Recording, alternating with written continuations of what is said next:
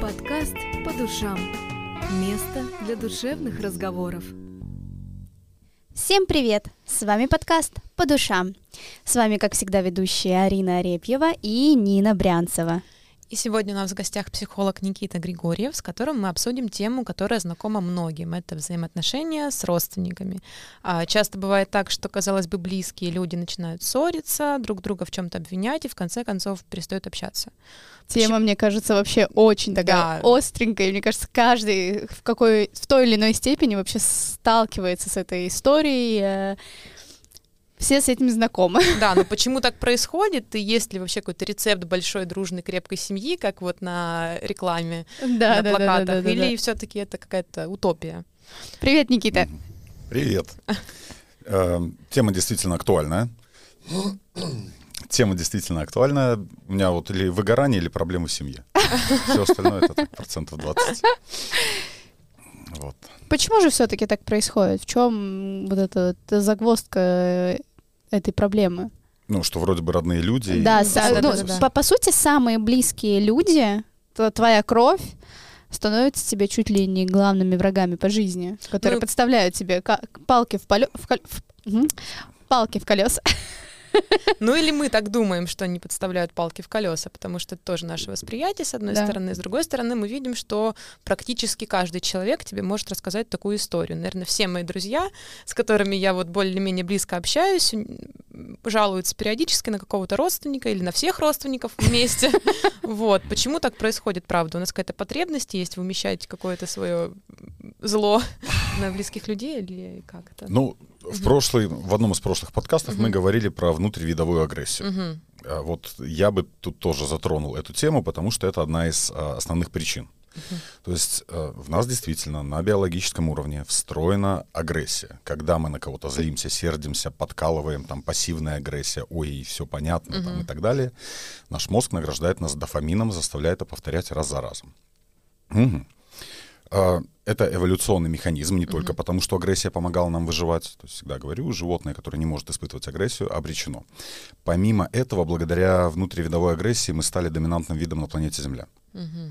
То есть есть такие мишки, очень милые панды, mm-hmm. без помощи человека выживать не могут. Все, их содержат в этих питомниках в Китае. А, то есть просто так они не выживают? У них нету внутривидовой агрессии, они очень милые. Они созда... То есть как это работает?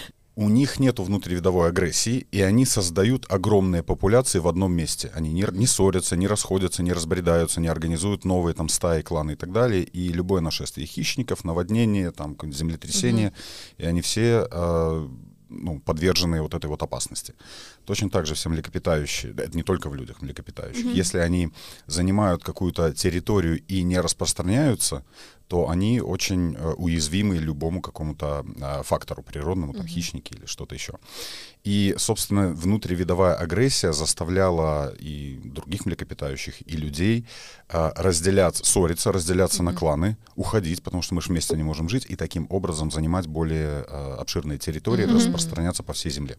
Угу. Такой механизм, который, с одной стороны, помог нам стать э, доминантной, доминантным видом на планете Земля, с другой стороны, поскольку он все еще в нас встроен, мешает нам сейчас радоваться этими благами 21 века.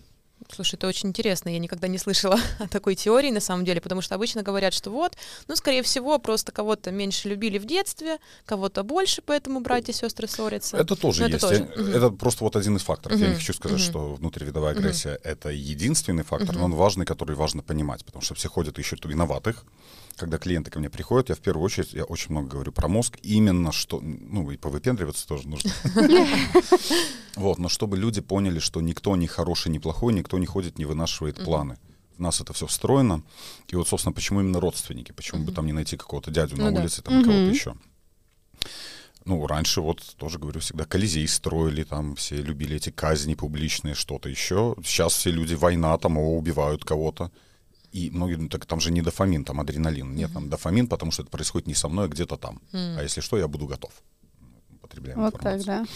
Вот, то есть э, раньше с родственниками приходилось мириться, потому что деваться было некуда. Раньше мы живем все в одном доме, ну, я не знаю, 200 лет назад в каком-то селе. Если я тут поссорюсь и уйду, и все, у меня забор, лес и волки, меня сожрут в течение суток.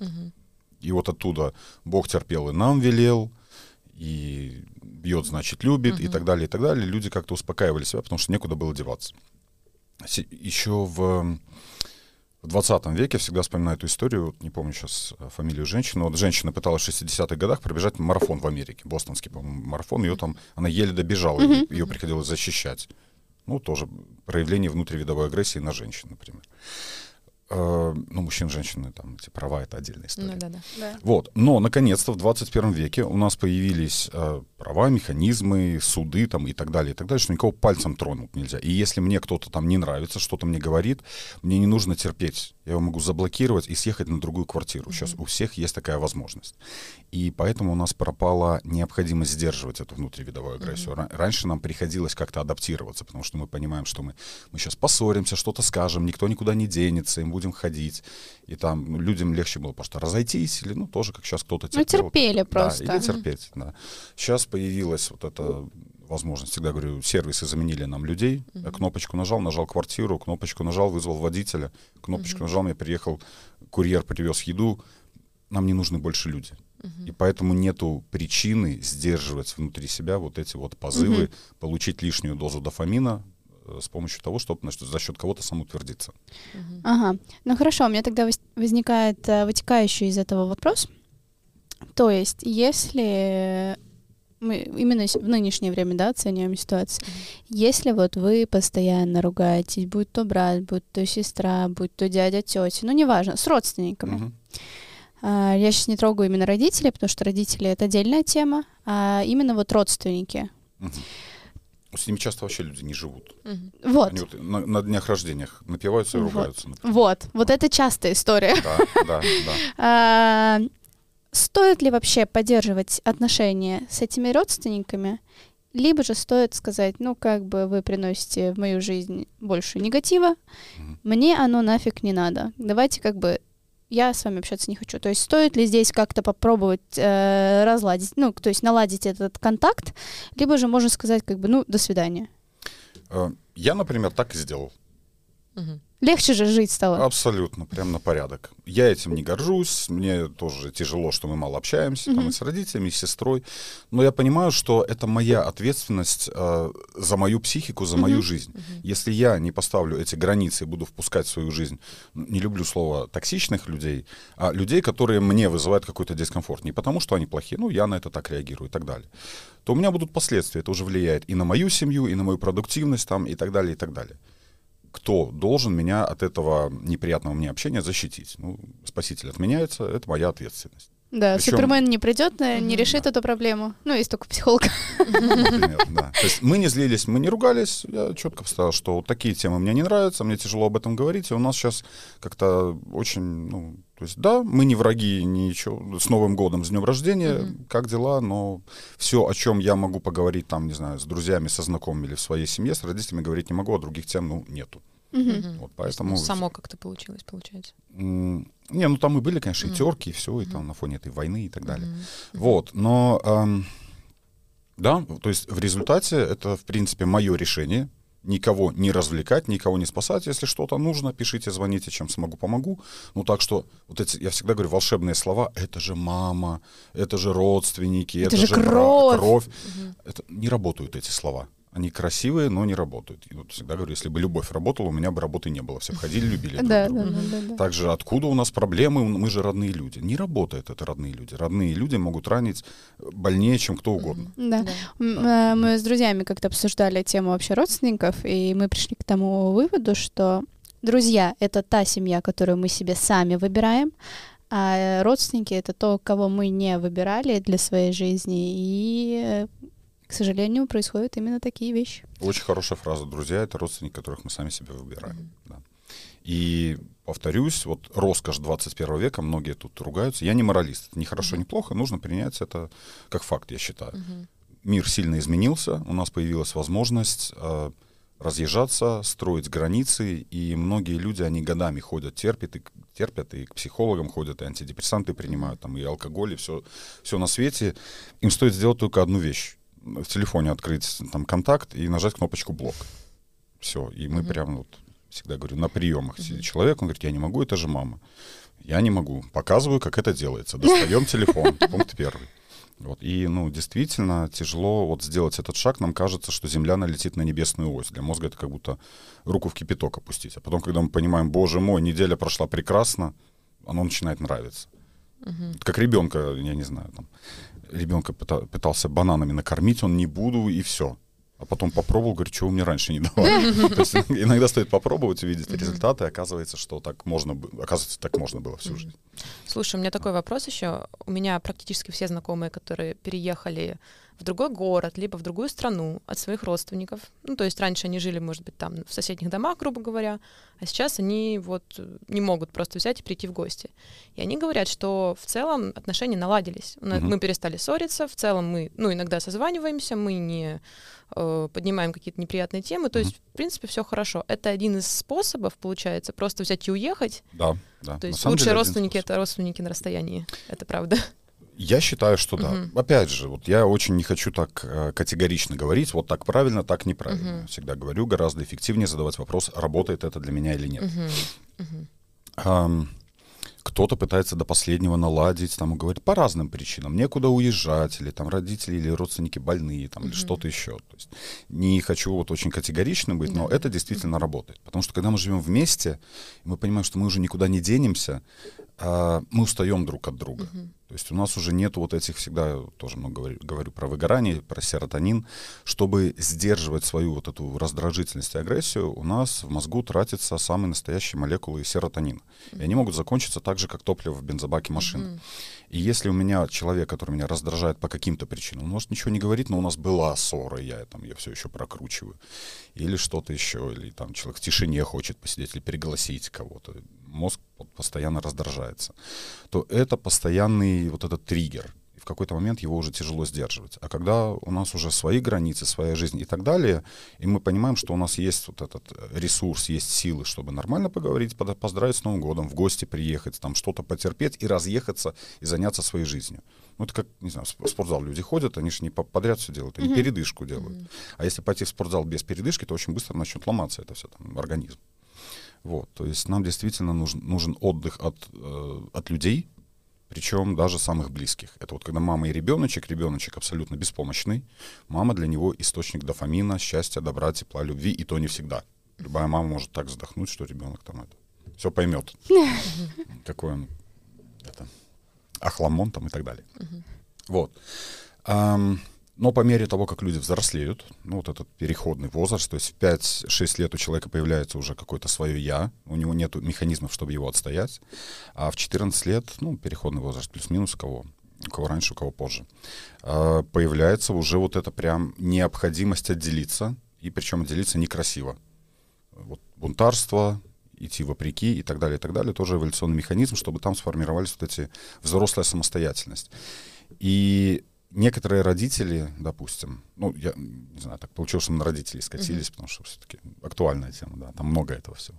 Родители не готовы к этому, к, вот к такому отделению ребенка, они чувствуют ответственность, юридически до 18 они отвечают, и это начинает превращаться вот в постоянную вот эту внутривидовую агрессию. То есть у меня есть человек, который никуда не денется, mm-hmm. я могу на него поругаться, покричать, послать всех нафиг, и мне аж немножко полегче. А потом у меня чувство вины, я хожу, задабриваю его, и мне прям опять полегче. И вот эти внутренние американские горки.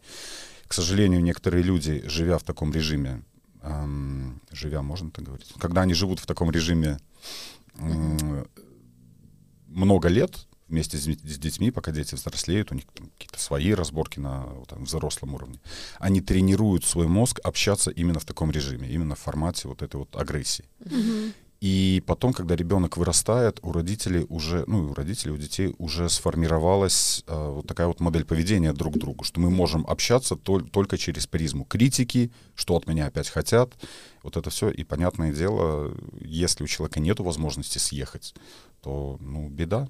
Все сидят, не любят друг друга. Там, эти... uh-huh. Дети в компьютере сидят, чтобы их не трогали, родители ходят, там шум фоновый создают. А разъехавшись, люди наконец-то понимают, что я могу делать то, что хочу, не оглядываясь ни на кого, и это тоже такой шаг в сторону там, и независимости, свободы. И...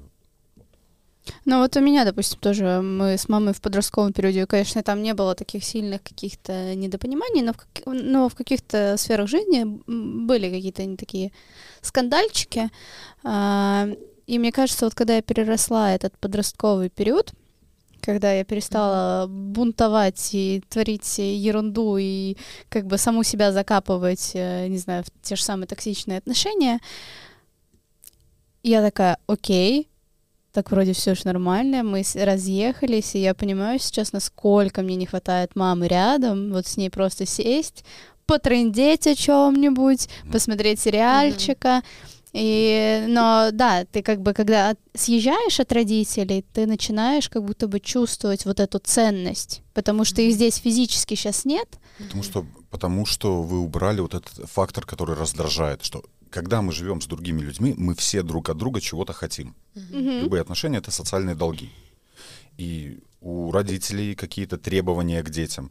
У нас у всех проблемы с коммуникациями, с родителями общались через призму вот этой пассивной агрессии.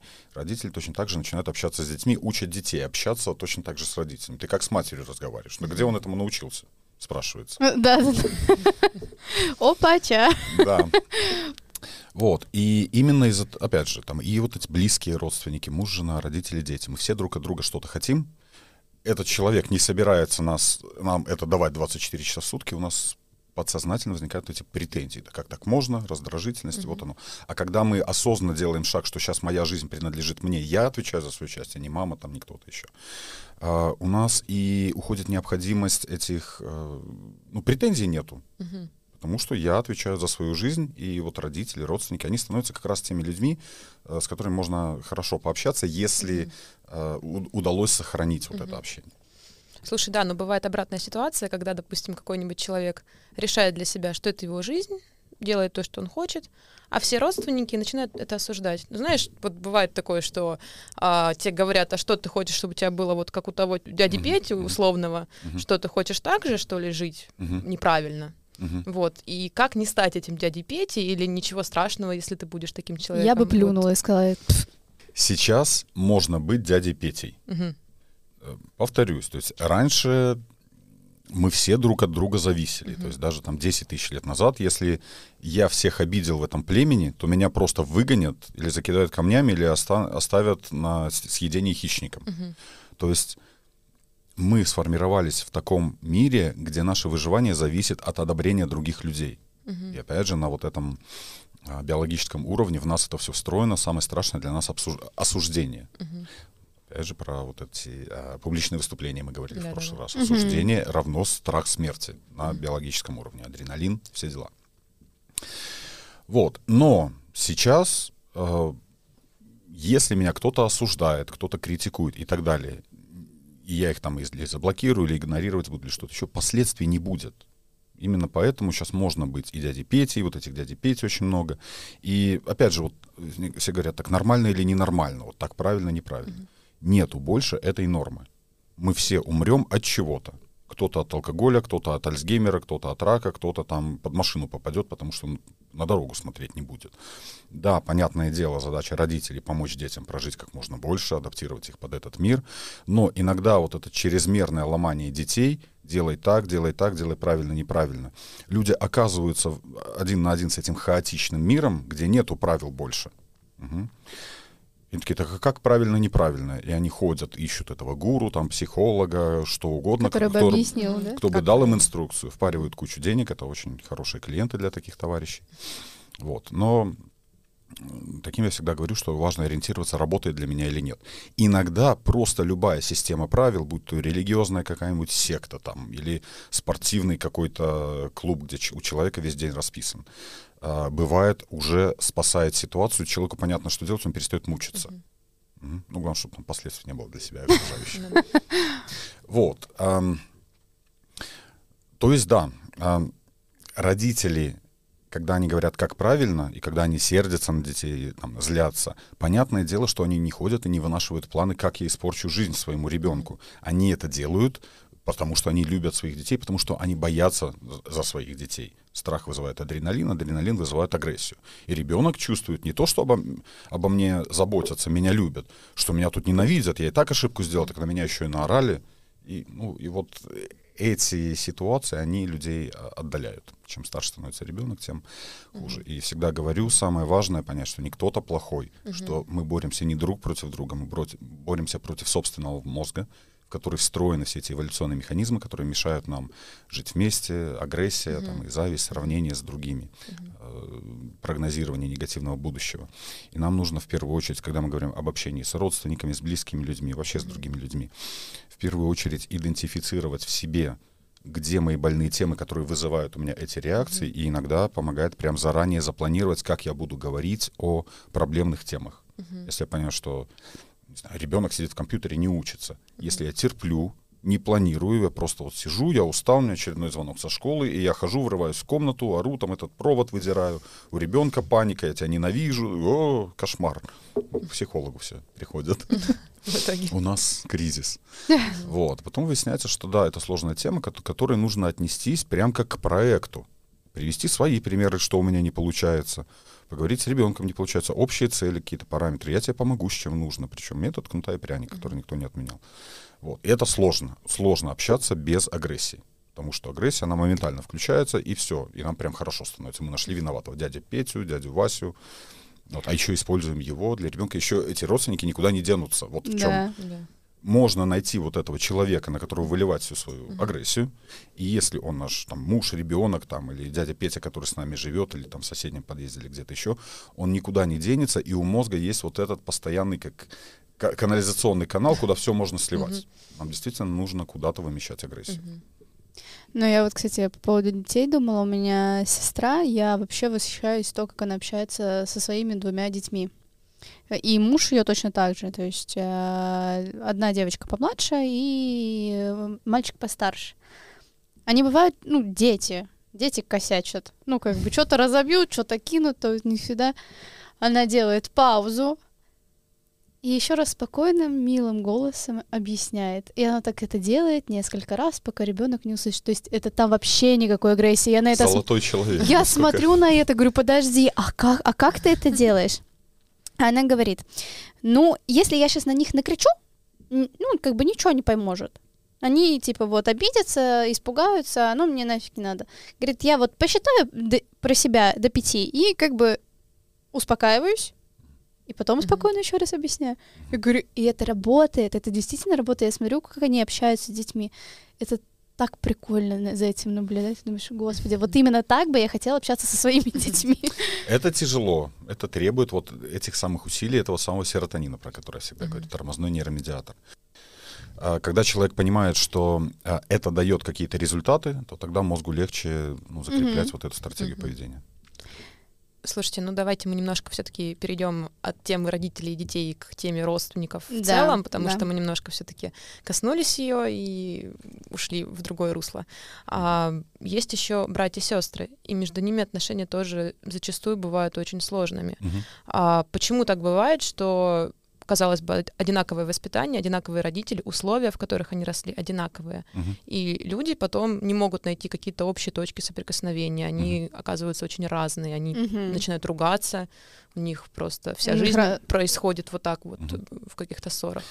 Ну, тоже на это много факторов. Угу. То есть часто бывает так, что когда, наоборот, э, когда у детей проблемы с родителями, родители mm-hmm. ну, или пьют, или у них там какие-то свои идеи, которые, ну, не знаю, слишком крити- критикуют много детей mm-hmm. и так далее, то а, дети, наоборот, объединяются. Они друг для друга становятся поддержкой mm-hmm. и сохраняют это часто во взрослой жизни. Mm-hmm.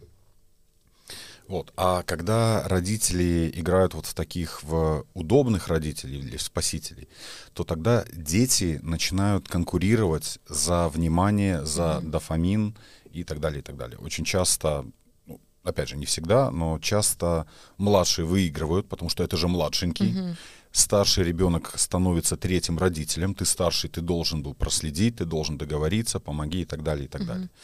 И это может во взрослой жизни вылиться либо в синдром спасителя. Человек научился, мозг привык, что он будет получать дофамин, добрые слова, поддержку и так далее, только когда он удобный и хороший, когда он спасает вот эту младшую сестру, mm например. Он будет продолжать спасать ее, говорить ей как надо уже во взрослой жизни, mm-hmm. но для нее это может стать, что что ты ко мне лезешь, у меня уже взрослая жизнь. Mm-hmm. Он не понимает, у него уже это, ну, как программа сложилась, не люблю слово программа, но нейронные связи выросли.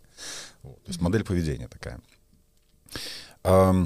Или же наоборот, человек может обозлиться, что я тут вечно всех спасаю, все внимание этому младшему ребенку, и неудовлетворенные потребности вызывают у нас адреналин и тот самый, эту самую агрессию.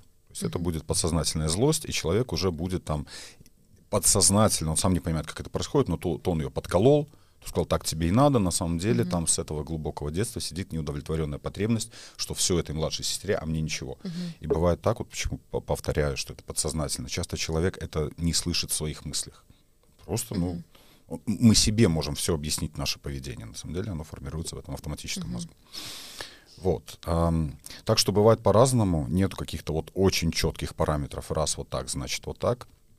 Но, повторюсь, волшебные слова, это же брат, это сестра, не работает. Mm-hmm. Вот с сестрой тоже, к сожалению, не общаюсь. Я до конца не понимаю, почему. Я что-то поздравил с днем рождения, ей не, поз- не понравилось, и все ну, окей, я могу потратить свою жизнь на выяснение, на эту Санта-Барбару, mm-hmm. да как можно, и все вот это вот. Либо, окей, мне есть чем заниматься в своей жизни. Вот Очень жаль. Но если она мне там что-то напишет, я буду рад с ней там пообщаться. Mm-hmm. Вот, то есть э, прелесть 21 века, что нам есть на что переключиться. Mm-hmm. У нас есть наконец-то своя жизнь, своя свобода. И это своего рода, вот говорят, счастье — это выбор. Mm-hmm. Точно так же я могу выбрать заниматься своими делами, или я могу выбрать, раз, раскручивать эту Санта-Барбару, mm-hmm. ходить, доказывать, выяснять, искать виноватых. Мозгу очень весело будет. Там прям, ух. Там такие фейерверки да. начнутся. Блокбастер с продолжениями, да. Но я хочу играть в это или нет. Если у меня больше ничего интересного в жизни нету, пожалуйста, можно устроить mm-hmm. сериал прям вот в реальном mm-hmm. времени. Если хочется как-то чего-то другого, это наш выбор. А как вот все-таки объяснить э, родственникам, о том, что ты им ничего не должен, и они тебе ничего не должны, что вы не можете вообще требовать друг от друга чего-либо. Ну, вы... Действий, да, поступков. Фу, типа, угу. те же самые поздравления с днем рождения, но если я забыл, или я не хочу просто поздравлять кого-то с днем рождения, или я сказал именно так, как я хочу, угу. ну, типа, вот что вот с этим вот делать, чтобы тебя в конце концов отстали? Как объяснить ребенку, как объяснить маме, как объяснить родственникам, как объяснить мужу, жене, как объяснить. Для Са- того, чтобы, да? Самый важный вопрос, самое важное, это объяснения не работают. Не работают объяснения. Если бы можно было объяснить, я бы всем все объяснил. Мы бы жили в другом мире. Возьмите троечника, объясните, что надо хорошо учиться. Может, он не понимает, ему надо объяснить. Ага. Объяснения не работают. Вот точка. Угу. Если можно было кому-то что-то объяснить, у нас куча книжек, которые все объясняют. Прочитал книжку, все понял. Такой, оп, Начинаем, вот что. Да. начинаем жить по-другому. Да, началась новая жизнь. Ага. Да, не работают объяснения. Наш мозг не реагирует на объяснения. А, работают только последствия. Угу. Если я хожу на работу, мне платят зарплату, у нас договор. Отношения с родственниками — такой же социальный договор. Да, родители вкладывают свою Э, свое время, свою жизнь, свои силы в ребенка, и подсознательно мозг это все записывает в социальные долги. Некоторые говорят, да мне не ребенок, мне ребенок ничего не должен, так вы от него что-то требуете? Я его люблю. Так это и есть социальные долги. Я для него стараюсь, потому что я его люблю, и если... И, что значит я его люблю? Я хочу, чтобы он был счастлив. Окей. Так что это значит? Это значит, что я хочу, чтобы он хорошо учился, хорошо зарабатывал, жил в доме там, а если он мне говорит, мама или это папа, я буду счастлив, я сделаю татуировку на лицо и поеду в турне по Киргизии с пангруппой. Э, счастье. У нас вдруг проблемы начнутся с, с его счастьем. Нет, не такое счастье, не то. Так счастье не выглядит, оно вот. выглядит по-другому. Мы начинаем навязывать и забываем, что уже 18 лет мы ничего не можем сделать. Вот. Поэтому да, мы все это пытаемся навязать и ты говорила, что как объяснить это? А, объяснения не, не работают, работают последствия. Да, я вот говорил про договор. Родители и дети — это договор. Мужчина и женщина — это все договор. Если я по договору хожу на работу, и мне по договору платят зарплату, до тех пор, пока обе стороны договора выполняют э, эти требования, никаких проблем не будет. Но если я на, на работу не вышел, потому что пришел котик, лег мне на грудь и не уходит, не прогонять же мне его, он не придет больше. Я взял и пролежал так весь день, у меня есть объяснение. И мне звонят, ругаются, а я им объясняю, говорю, вы что, не понимаете, это же котик. Они такие, боже мой, котик, ладно. И запла- не уволили, зарплату заплатили, я им все объяснил. Нормально. Они продолжают выполнять условия договора. Я, не, не, я, я уже не выполняю. На следующий месяц там, не знаю, на PlayStation FIFA вышла, я взял пивка, сижу, играю. Они мне звонят, ругаются, говорят, проект стоит, клиенты недовольны. Говорю, что? Э, чемпионат мира сам себя не пройдет. Что зря игру попал. Блин, ну ладно. Говорят, а Рональдо есть? Я говорю, есть. Блин, ну окей, выходи.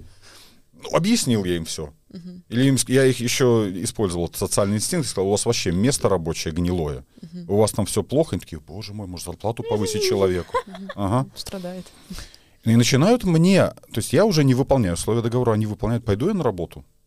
Нет. Нет, понятное дело. Mm. И я клиентов, когда им рассказываю эту историю, я спрашиваю, ничего не напоминает? И у них такой взгляд в пол. Да. Вот, то есть мы все чувствуем, что э, в отношениях, причем это не обязательно кто-то, там, ребенок чувствует, что родители не выполняют договор в его сторону, родители чувствуют, что ребенок не выполняет. Потому что часто условия договора недостаточно четко определены. Ну, неужели нельзя быть нормальным? Так что мне делать? Угу. Что такое нормально, что да? Такое Начнем с этого. Да. Учись нормально. Там. Ну, попробуйте, вот возьмите, выучите это все и сдайте. Вот.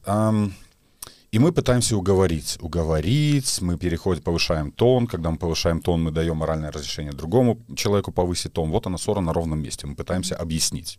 И ходим, так не получилось объяснить. Как нам объяснить? Нужно убрать эту идею. Не работают объяснения. Работают последствия. Если какой-нибудь родственник звонит мне и сыт в уши, уж извините за выражение, как мне надо жить, и с кем, и что мне делать, и вот Оленька из соседнего подъезда хорошая девочка, и надо жениться, и ну и что, что ей 67 лет, она же девочка. Ну, да, юмор. Ага.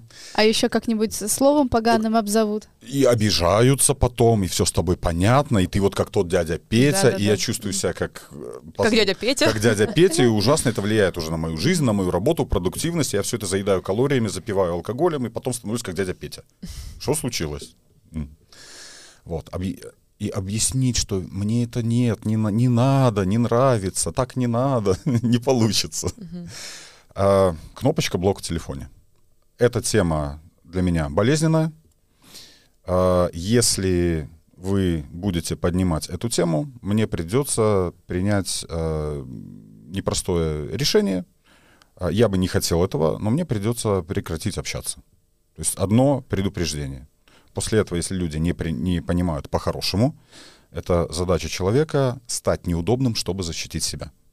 Потому что если я продолжаю играть в удобного, я ж с ними по-человечески, пускай они по-человечески, они не собираются играть вот в, эти социаль... в эту социальную игру. Они просто используют этого человека как удобного, на которого все это можно вывалить. Я рассказал, как надо жить, и мне уже получше. Я эксперт. Я-то знаю, как надо, а он вот подрастает очередной.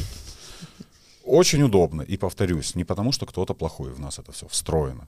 Старички, которые сидят на лавочке, у них уже нет другого способа почувствовать себя получше, получить дофамин. У них вон пошла проститутка, вон пошел наркоман. Как только они плохие, я по сравнению с, них, с ними хороший, доза дофамина. Только доза маленькая, нужно сидеть целый день, говорить всем подряд, одеваться потеплее. Да.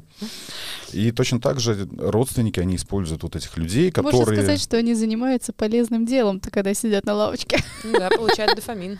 Не, ну да, иначе бы не делали.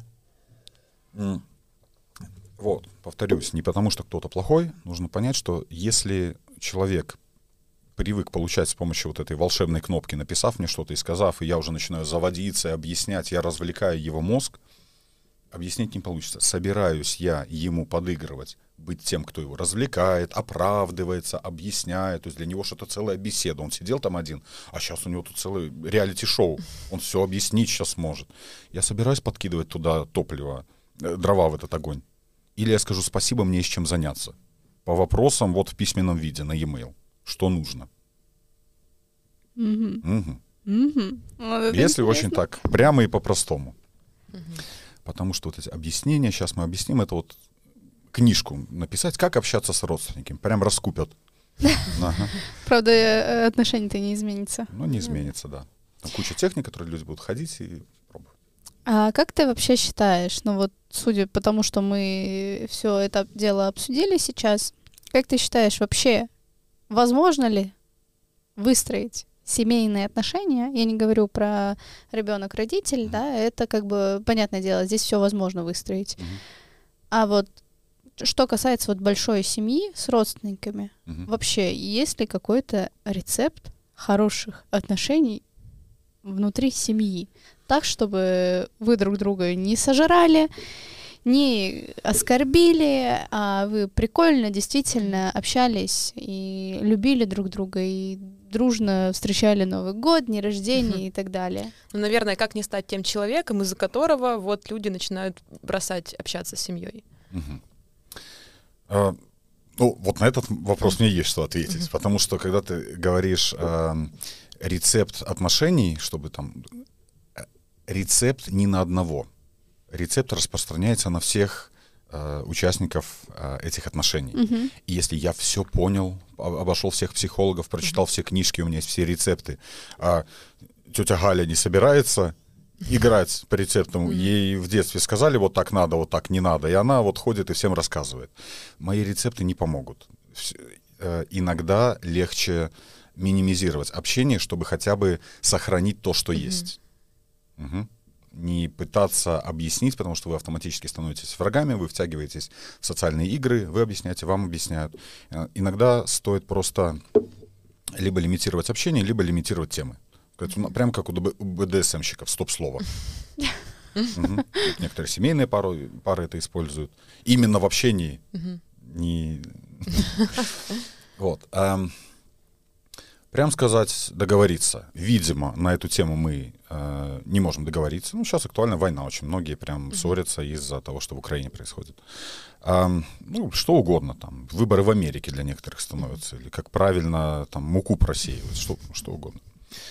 Э, прям договориться. Если мы хотим общаться, мы должны, пока мы не поссорились, пока вот мы нормально общаемся, договориться, что вот эти темы мы не трогаем. Если кто-то из нас забудет, мы договариваемся про стоп-слово. Прям об этом мы не говорим. Можно прям записать на бумажке. Об этом мы не говорим, например. Ну или какое-то свое. И мы договариваемся, что как только произносит, кто-то произносит фразу «об этом мы не говорим», мы перестаем об этом общаться, это сигнал, что мы поссоримся. Я точно знаю, что если мы будем об этом говорить, мы поссоримся. Есть достаточно эмоционально взрослые люди, которых, для которых такие договоренности работают. Mm-hmm. Есть те, которые наоборот, да ты что, да как так, что ты придумал, эти психологи твои, э, не собирается играть по правилам. Для него единственный способ получить дофамин — это всем объяснить, кто во всем виноват, например. И так далее. Mm-hmm.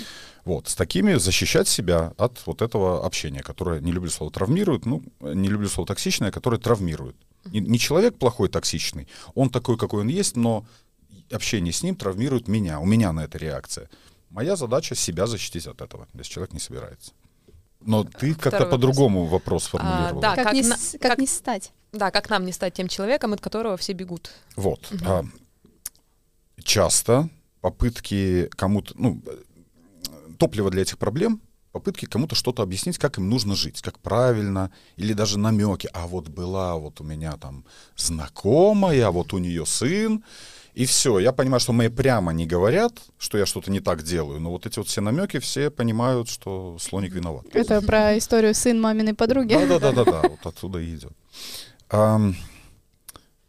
Это очень тяжело э, сопротивляться этому э, внутреннему позыву, когда я через свою призму смотрю на жизнь человека, и я вижу, да боже мой, да что ж он делает, да как так можно, я приду сейчас все объясню из добрых побуждений. Угу. А в итоге человек общаться со мной перестал. Да как так-то? Угу. И еще, а, это его жена его там сподвигла, ну или там что угодно. Эм, из каких бы добрых побуждений мы не действовали, попытка человеку сказать, как ему жить, она будет человека травмировать. Э, просто заменить одну фразу на другую. Просто использовать фразу, что, слушай, у меня был похожий опыт, если тебе надо, я могу поделиться, как я с этим справился или как кто-то с этим справился. И все. Вот просто записать эту фразу на бумажке и говорить ее под диктовку. Потому что мозг придумает, как там что-то вернуть. Я же направить просто хочу. Ну давайте я приду к вам домой и буду направлять, как вам жить. Я ж направить просто хочу. Оттуда выгонят через пять минут. Вот. И то же самое мы делаем, мы этого не замечаем. Наш мозг нам все объяснил, я ж на самом деле из благих побуждений, но по факту, если посмотреть на стороны, человек приходит, говорит волшебное слово, у меня пропуск, я родственник, угу, угу. и сейчас я объясню. Это травмирует. В мире, где можно людей блокировать и отдаляться, люди отдаляются или, наоборот, начинают проявлять агрессию. Сдерживать, э, не причинять добро. Вот. Угу. Сдерживать попытки причинять добро и быть скорее вместо этого, ну а как же так, я ж вот это, вместо этого быть доступным. Мне кажется, что тут можно что-то сделать, какая бы, о чем бы речь ни шла. Отношения, работа, там, здоровье. Я не хочу лезть в твою жизнь, но у меня там или у знакомого, или что-то еще, вот был похожий опыт. Е- потому что, например, к психологу люди приходят, все говорят, вот иди, иди к психологу, или некоторые приходят, говорят, я понимаю, что нужно было пять лет назад приходить. Люди терпят до последнего. То есть либо мы заранее поссоримся, и человек ко мне уже никогда не придет, ну, если мы родственники, либо я дам ему эту возможность дойти до какой-то точки кризиса, но заранее скажу, что я доступен в этом uh-huh. кризисе. И тогда человек сам ко мне придет, и все получат то, что хотят. Человек получит помощь, я получу чувство, что я ему как-то помог. Uh-huh. Проблема в том, что кризис может стать ну, слишком как бы серьезным, но это цена. Либо мы занимаем доминантную позицию и говорим как надо. Нас очень быстро поставят на место. Uh-huh.